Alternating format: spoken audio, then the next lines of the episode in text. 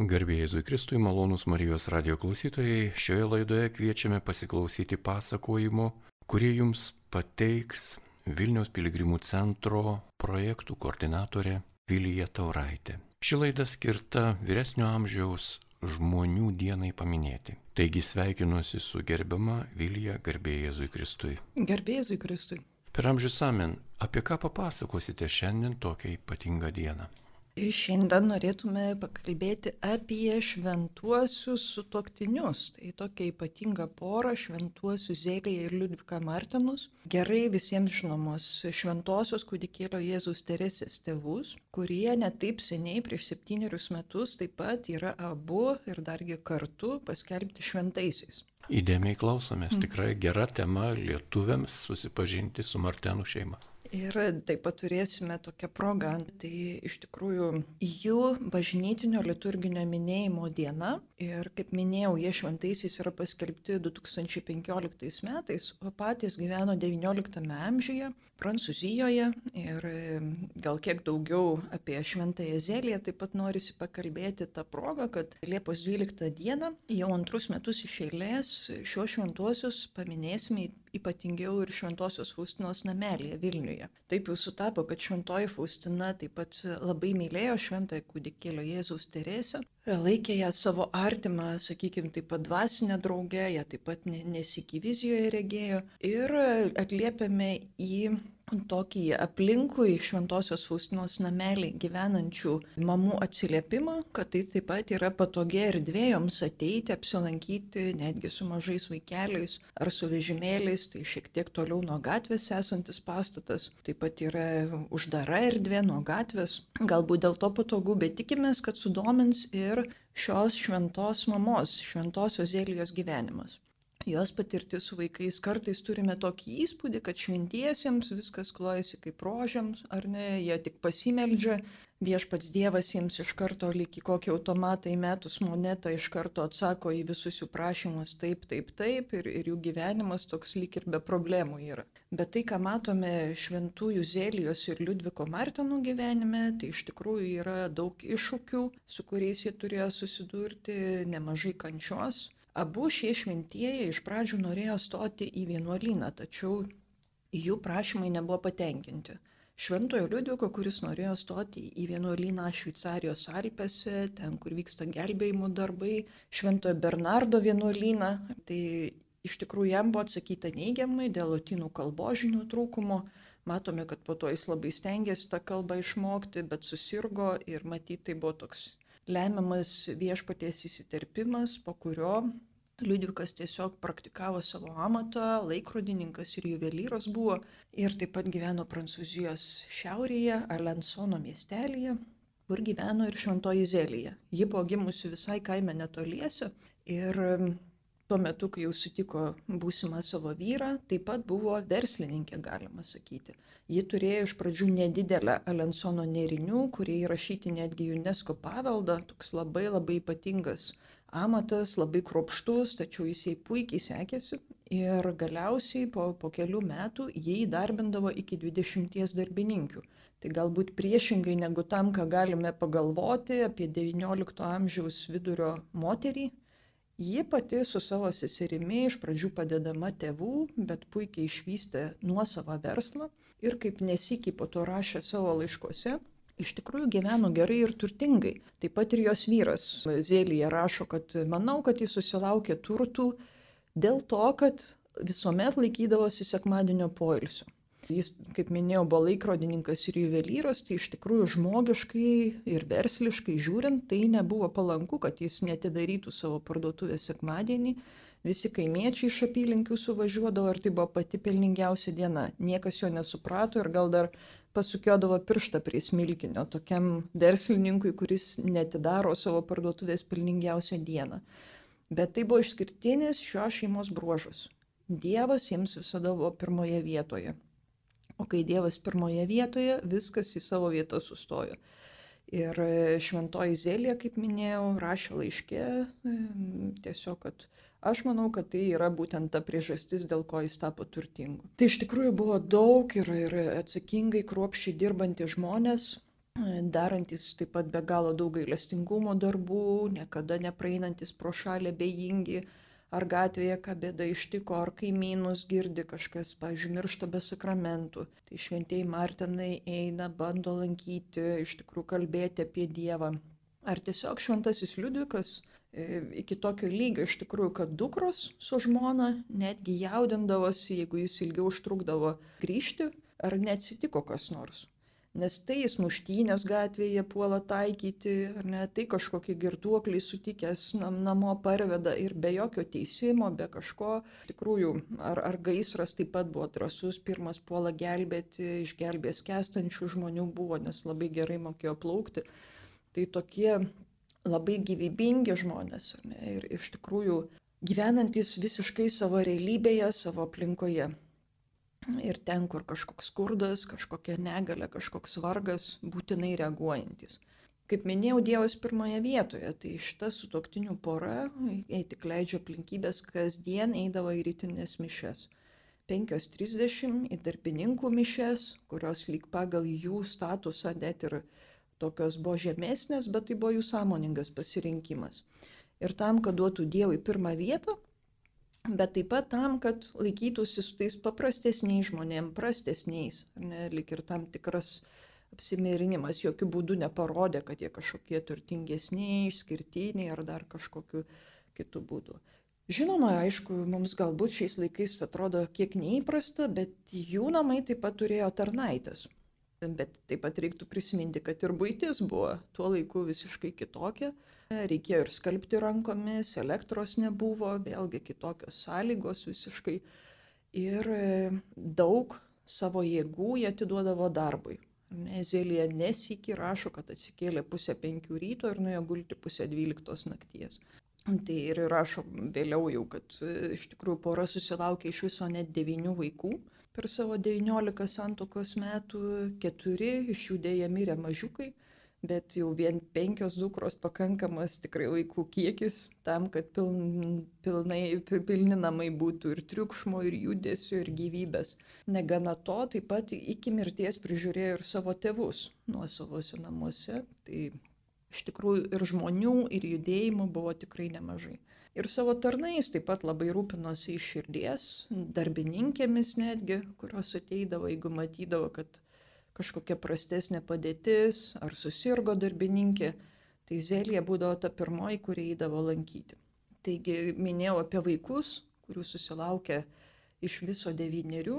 Ir žinoma, kai tie maži vaikeliai, kai keletas vaikų iškeliavo į amžinybę, tai iš tikrųjų tie išgyvenimai buvo be galo skausmingi, kaip matom, ir e, didžiąją dalį informacijos apie jų šeimos gyvenimą turime iš išlikusių Šventojios Zelijos laiškų. Jų išliko 216, Šventasis Liudvikas taip pat jų parašė, bet gerokai mažiau, išliko šeš, viso 16, taigi 200 mažiau negu jos sutoktinės, kuri aprašinė tiesiog kasdieninius gyvenimo įvykius ir galim puikiai įsivaizduoti, kaip ta šeima gyveno. Taigi po vaikelių mirties matom, kad jie prašo, jog iš tiesų širdis plyšta iš skausmo, vienas iki mirė mažas sunelius e, kelių mėnesių ir po savaitės Zelijos tėtis, tai galim įsivaizduoti, kokia iš tikrųjų skausmo bomba tiesiog ištiko tą moterį. Bet jį visuomet rašo, ar ne, ir mirus brolio vaikui taip pat. Mano brolė, aš matau, kad tu turi pakankamai energijos ir tikėjimo, tam, kad nemurmėtum prieš Dievo sprendimus ir galėtum pakelt gyvenimo išbandymus. Tai netgi tokiuose situacijose matome, kad tikėjimo dėka, Dievo pagalba besiremdama zėlėje gali stovėti ne, ir būti nepargriuvęs žmogus, ne, nesuklupęs, bet stovintis. Ne, tai tiesiog matome tą tikėjimo e, ypatingą vaidmenį ir viso šeimos gyvenime, ir kiekvieno tų sutoktinių atskirai. Taigi, kaip minėjau, vienas po kito netgi kartais pamečiui gimdavo vaikai, žinoma, jų priežiūrai padėdavo tarnaitė, bet vėlgi gal kartais turim tokį įspūdį, kad jau šventųjų šeima iš tų klojasi. Ne? Ir tie vaikai liktai kažkokie tai angeliukais iš kuose matome, kad ir kaprizai mažų dukryčių, labai užsimano kažkur važiuoti kartu ir iš tikrųjų, kaip prašo, beveik ant žemės parsiridenusi ir mūsų mylima šventoji Teresėlė taip pat verkė, rėkė ir sako, kol tėtis paėmė, nesupyko ir nepasakė griežto žodžio, kuris privertė tą vaiką nusiraminti. Arba gauna daug kalėdinių dovanų iš savo dėdės ir tetos ir vėlgi kiekvienas nori to, ką turi kitas vaikas. Turbūt mums puikiai pažįstama situacija iš savo šeimų ir vėlgi puola verkti ir, ir nepasidalyja tarpusavyje, kaip visi įprasti normalūs vaikai. Ir vėlgi prireikia tą kartą senelio jau tvirto žodžio ir vaikai nurimsta. Tai matom, kad tų ir mažų kasdienių auklėjimo iššūkių tikrai buvo nemažai. Šventoji Teresėlė turėjo tikrai tvirtą charakterį, kaip matom, pati mama rašo, kad tokio tvirtumo charakteris, kad sako, greičiau jinai nakvos Rusija, negu ją priversi nusileisti. Tai matom, kad tikrai buvo ką veikti ir pati nesikį sąmoningai rašo, kad tai formuoja iš tikrųjų tų vaikų charakterį, ar ne, pažiūrėjau, antroji dukra Paulina, sako, aš taip jos, na, ne, nekankinu labai, bet reikia, kad ji išmoktų man nusileisti tai vienaip ar kitaip iš tikrųjų ir reaguodama į tų vaikų švelniai emocijas, bet tiesiog auklėjo taip, kad jos būtų klusnios. Ir iš vėlesnių dukrų atsiliepimų matome, kad iš tikrųjų tėvai joms buvo tikras autoritetas, turėjo didžiulę pagarbą e, abiems tėvams. Ir, ir iš tikrųjų buvo klusnios, klausydavo savo tėvų, net jeigu tam ir kartais pririnkdavo kažkokio griežtesnio žodžio, ar, ar žvilgsnio griežtesnio. Vėlgi Zelija prašo tokią situaciją, kai išeinant mažoji Teresėlė ten pradėjo išdikauti, slėptis po antklodę, sako, šiai tiesiog žvilgsniu parodžiau, kad man tai visiškai nepatinka. Vaikas greit suprato, surimtėjo, ne, tai vat, matom tokią pagarbą šeimoje, kurią pavyko įdėkti tėvams. Matom, kad šventieji Liudvikas ir Zėlė iš tikrųjų davė visą ką geriausio savo vaikams, kas tik buvo įmanoma. Pavyzdžiui, vėlgi turime XIX amžiaus antrąją pusę, nebe vidurį, bet gal vėlgi e, e, tie stereotipai, ar ne, kad ypatingai moteriai galbūt nebuvo būtinas išsilavinimas tuo metu. Matome, kad ir pati Zelija buvo išsilavinusi, baigusi bent kelias klases, iš tikrųjų rašymo stilius nepriekaištingas, matome, kad tai buvo ir, ir inteligentiška moteris, ir mėgo skaityti Taip pat jos laiškai labai gražus, kartais pilni ir humoristinių detalių, į kurias atkreipdavo ta moteris dėmesį. Ir vaikus pasistengė suteikti geriausiai įmanomą išsilavinimą. Visas dukteris, kiek tik įmanoma, išsiuntė į vienuolino mokyklą, nors tai kainavo iš tikrųjų emociškai, psichologiškai ir dukroms buvo sunku atsiskirti nuo tėvų. Tėvai taip pat išgyveno, kad dukrų nėra kartu namuose bet tėvai būtent dėjo visas pastangas, kiek tik įmanoma. Ir iš tikrųjų ta mokykla buvo gera, prestižinė, o daugelis iš jų dukrų, pen, penkių, kurios išgyveno ne, iki suaugusio amžiaus, iš tikrųjų keturios buvo labai labai gabios ir gaudavo tuos vadinamuosius tuo metu prizus, apdovanojimus už puikų mokymasi, už gerą elgesį taip pat. Bet gal iki vieno taip pat ateisiu čia aspekto šios šeimos, dėl kurios daug kentėjo visa šeima, ypatingai tėvai ir ypatingai šventoji Zėlėje, tai buvo jų vidurinioji dukra e, Leonija, kuri iš tikrųjų buvo ir silpnesnės veikatos, nuo pat vaikystės vystėsi egzema, daug reikėjo priežiūros ir fizinė prasme, o paskui pasirodė, kad ir charakteris jos yra sunkus, sudėtingas. Taip pat, na, vidurinis vaikas, kuris gavo galbūt mažiau dėmesio, tai buvo labai prisirišusi prie tarnaitės, kuri jai įteikdavo visokių nebūtų dalykų. Pavyzdžiui, mama sako, Leonija eik žaisti, viskas gerai, o tarnaitė sako, ne, ne, ne, įsivaizduok, kaip tave mama po to nubaus, kad tu žaidi. Ir vaikas kažkokiu būdu įkalbėtas, eina, tvarko stalą, virtuvėje stengiasi valykį tikti, nors iš tikrųjų mama to net visai nenori. Ne?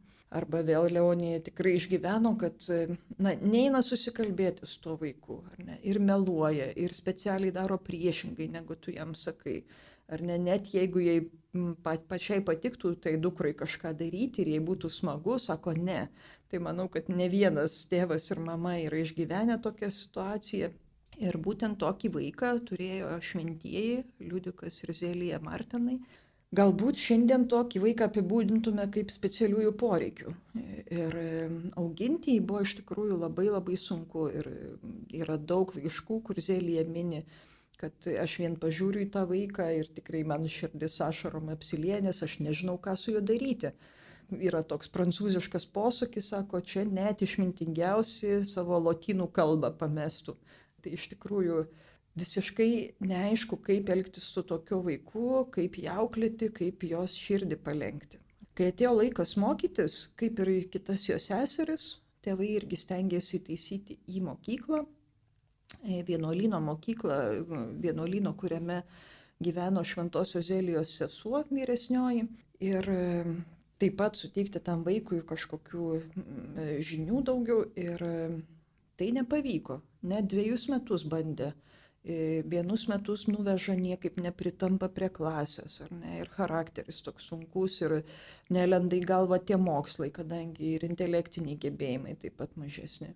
Tai jau vienais metais jie parsiveža namo, kažkiek bando mokyti namie, dar kitais metais vėl bando įtaisyti mokyklą, niekas nepavyksta. Tai matom, kad iš tikrųjų turėjo tų problemų nemažai, Tik vėl įdomu, kad čia tokia, galima sakyti, dangiška pagalba vėlgi įsiterpia. E, nes mirus Zelijos seseriai, kaip minėjau, tai, kuri gyveno vienuolinę, kuri gerai pažinojo tą pačią Leoniją ir, ir stengiasi visokiais būdais jai pagelbėti, kai mirė toji sesuo, kuri turėjo tokį ir šventumo reputaciją pasklidusią, Zelija labai prašė jos užtarimų, kad užtartų Leoniją ir tuo pačiu sakė, kad tik šitas vaikas taptų šventas, aš galiu bet ką padaryti. Tai labai įdomu, nes 10 ar 20 dienų po sesers mirties Leonijos elgesys taiga pasikeičia. Pirmas dalykas, tai šeimoje išsiaiškinamas tas ryšys, kad tarnaitė kalba visokius nebūtus dalykus tam vaikui. Ir iš tikrųjų labai supyksta ir Zelija, ir Liudvikas, kad tarnaitė taip elgesi, nori ją iškart išvaryti bet tarnaitė maldauja ir, ir verkia ir taip toliau rankas gražo, tai ją pasilieka, bet uždraudžia su to vaiku bendrauti. O Leonija visiškai pasikeičia. Staiga nori eiti visur su savo mama, pasidaro klusni ar neklauso ir, ir labai švelni visą tai, ko Zelijeva troško. Iš tikrųjų, va, keliolika metų ar ne, vienuolika ar trylika iki to vaiko tokio va, perversmo širdies. Tai vėl galima sakyti, kad, na, Dievo pagalba, ta, ko šventoji Zelė iš tikrųjų maldavo. Taip pat va to artimo žmogaus, ką tik iškeliavusio užtarimas, matom, kad padarė ir tam tikrų stebuklų. Labai įdomu, vėlgi dar vienas kampas, kurį galima paminėti, kad šventoji Zelija, tikėdama, kad tie mirė jos maži vaikeliai yra pas viešpatį, yra danguje, nes be abejo iš karto visi buvo pakrikštyti, vos gimė, kiek tik įmanoma, praėjus vienai dienai ar dviems. Yra dar vienas toks išlikęs jos pasakojimas, kai susirgus viena iš dukryčių, kur jau nebežinojo, ko griebtis, ausies buvo kažkokia lyga ir pas vieną gydytoją, ir pas antrą, ir pas trečią vedą, bet vaikui tik blogėjo, jau pradėjo nebegirdėti tausimi.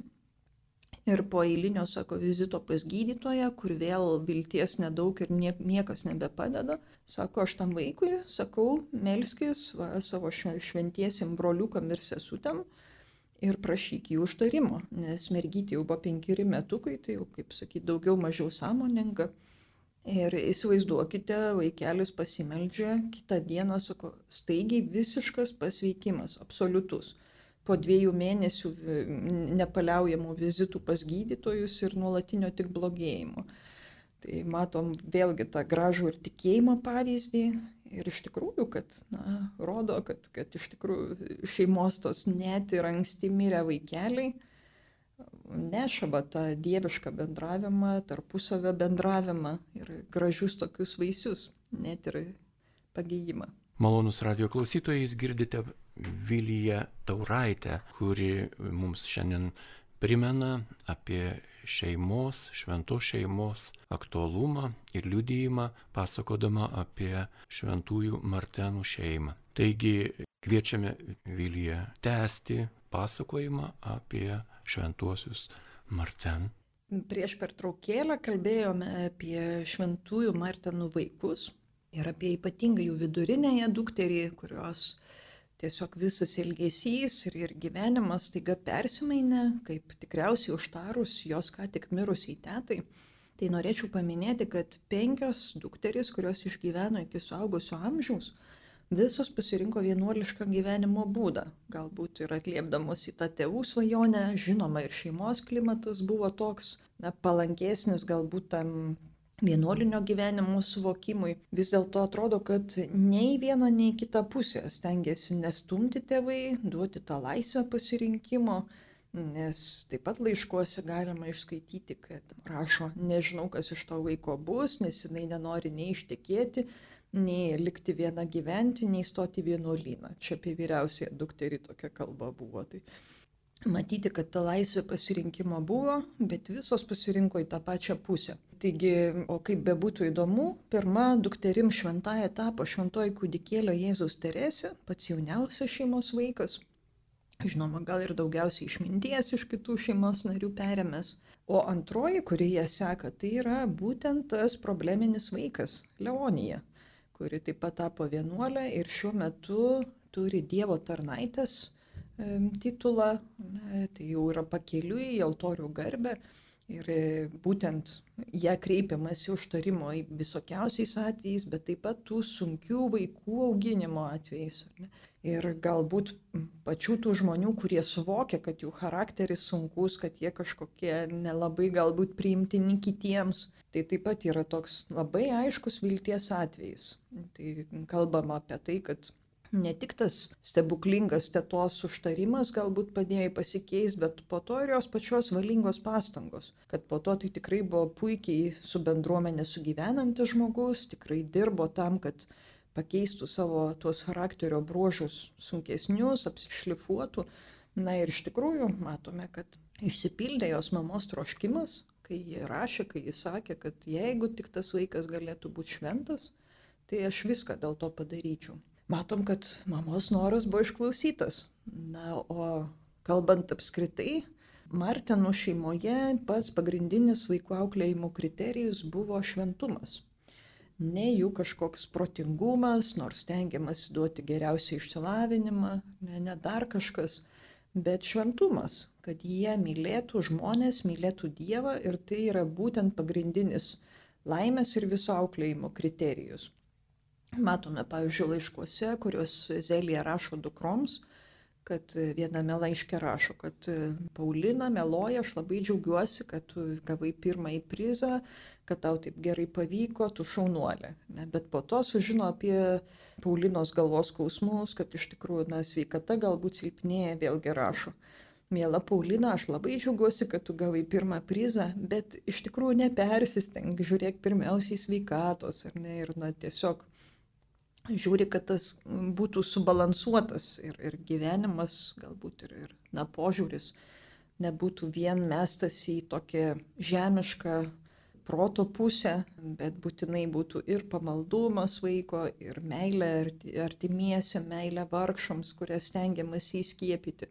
Na, o tada jau taip, žinoma, ir talentai ugdomi, ir skiriamas dėmesys, pavyzdžiui, tai vaikams, kas ten gražiai piešia, ne, kad iš tikrųjų būtų galimybė ugdyti tuos savo gebėjimus, kuriuos jau Dievas yra įdėjęs.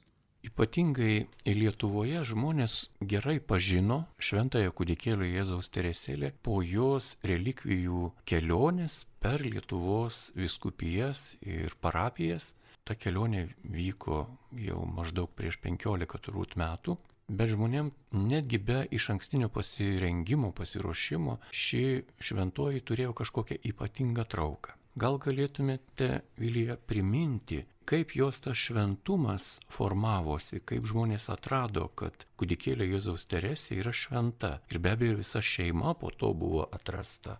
Gal drįščiau sakyti, kad iš tikrųjų čia veikia kažkoks dvasinis aspektas, matyti. Šventoji kūdikėlė Jėzaus Teresė prieš savo mirtį dar sakė, aš jums atsiųsiu rožių lietų ir mano dangus danguje bus daryti žemėje gerą. Tai iš tikrųjų matome, pavyzdžiui, jau pačioj 20-ojo amžiaus pradžioje kad plūsta žmonės ir lankyti jos kapelį ir iš tikrųjų vyksta daug stebuklų. Šventoji kūdikėlė Jėzus Teresė mirė 1897 metais, o pavyzdžiui, 1913 metais skaitome kitos palaimintosios končitos, kuri gyveno Meksikoje ir lankėsi Europoje kelionės apraše, kad būtinai jinai aplankė Liziją ir šventą kūdikėlio Jėzaus Teresę. Tai matome, kad vos keliolika metų apskritai kitame kontinente gyvenantis žmogus jau atkeliauja pagerbčio šventosios. Matyta jos labai universali žinia apie šventumą mažose dalykuose, kasdienybėje yra na, visiems labai labai suprantama ir aišku, kad ji buvo išugdyta ir tėvų namuose kuriuose matome, kad ir vaikams kalbama apie auką, pavyzdžiui, nežinau, nesuvalgyti ten piragėlio ar saldainio, ar ne, arba vaikas vedamas pas dantų gydytoją ir, ir skaudės ten dantį, sako, čia va dabar už mano tenai senelį, kuris neseniai mirė, ar ne, tai vėlgi aukelė už jį. Ir net išeina vaikas iš dantisto, sako, kažkaip nelabai daug skaudėjo, sako, kaip už senelį, tai galėjo ir daugiau paskaudėti. Matom, kad va tokie dvasia ir buvo augdami vaikai. Arba, kaip minėjau, mylėti vargšus. Ne, visokie tokie dalykai, jie jau buvo pasėti šeimoje. Na ir aišku, išaugus tokioje dirboje buvo žymiai lengviau ir šventai kūdikėlio Jėzaus terėsiai pasiekti tikrai tų šventumo aukštumų.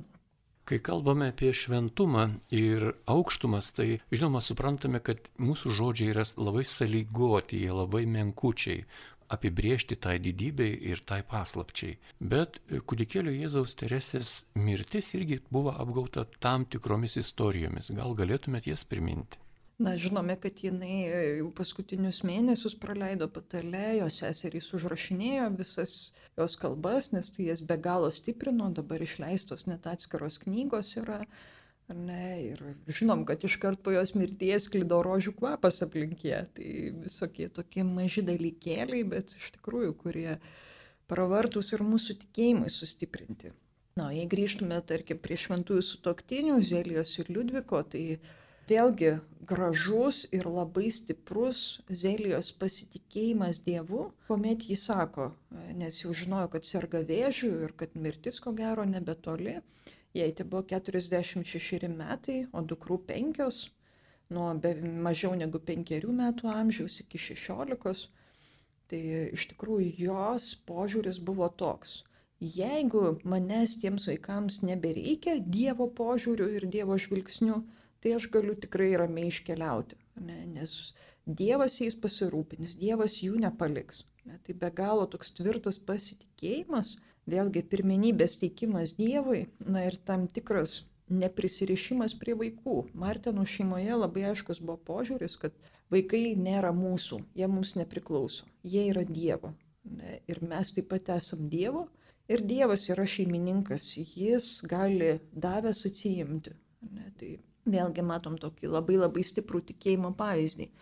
Kaip minėjau, šventoji Zelija iškeliavo pas viešpatį būdama 46 ir be abejo šventajam Liudvikui nebuvo lengva, likus su penkiom dukrom vienam, jis tuomet persikėlė į kitą miestą prie Zelijos brolio, kur galėjo tiesiog daugiau tos šeiminiško žmogiško šilumos ir augančios mergaitės patirti. Nors Liudvikui taip pat buvo nelengva emociškai palikti tą miestą, kur daug draugų turėjo, tiesiog tie stiprus socialiniai ryšiai. Tuomet jie persikėlė į Liziją ir čia vėlgi matome, kad šimtasis Liudvikas taip pat buvo geras, atidus tėtis, eidavo su dukrom pasivaikščioti, žaisdavo su juom, net gamindavo mažus žaisliukus, kaip, kaip dukterys rašo, net iš meliono žievės pagamindavo joms karietėlės ir visokių tokių mažų gražių dalykų. Tai matom tokį be galo švelnų, gražų tą, tą tėvų ir vaikų santyki, didelę vienybę. Ir kaip žinome, šventajam liudikui jau teko vienam be žmonos paramos, be, be jos pašonėje išleisti keturias dukteris į vienuolyną.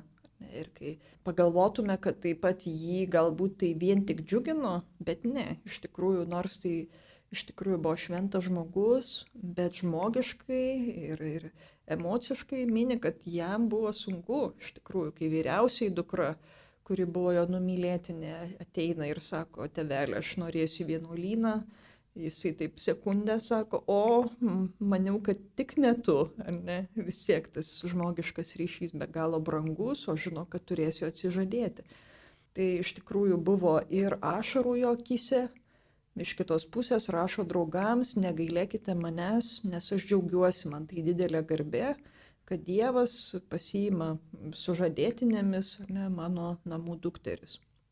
Mano dukteris, kas, kas jam brangiausia. Tai iš tikrųjų matom, kad nebuvo lengva iš tikrųjų šiai šeimai sekti visus viešpatės planus. Kartais jie tikrai norėjo, kad jie būtų kitokie, ne, kad vaikai būtų galbūt likę gyvi, kad labai norėjo susilaukti sunaus kunigo misionieriaus ir kaip nekeista, po to jų dukra šventoji Teresėlė tapo misijų globėja ir iš tikrųjų nukeliavo jo žinia iki pasaulio pakraščių.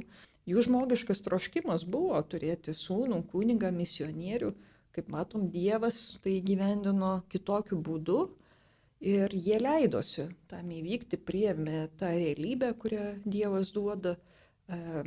Ir labai ryškiai stengiasi na, nemurmėti, neburbėti, neužsisklęsti, tuose savo noruose neužsidaryti, jeigu jie yra kitokie negu viešpaties Dievo.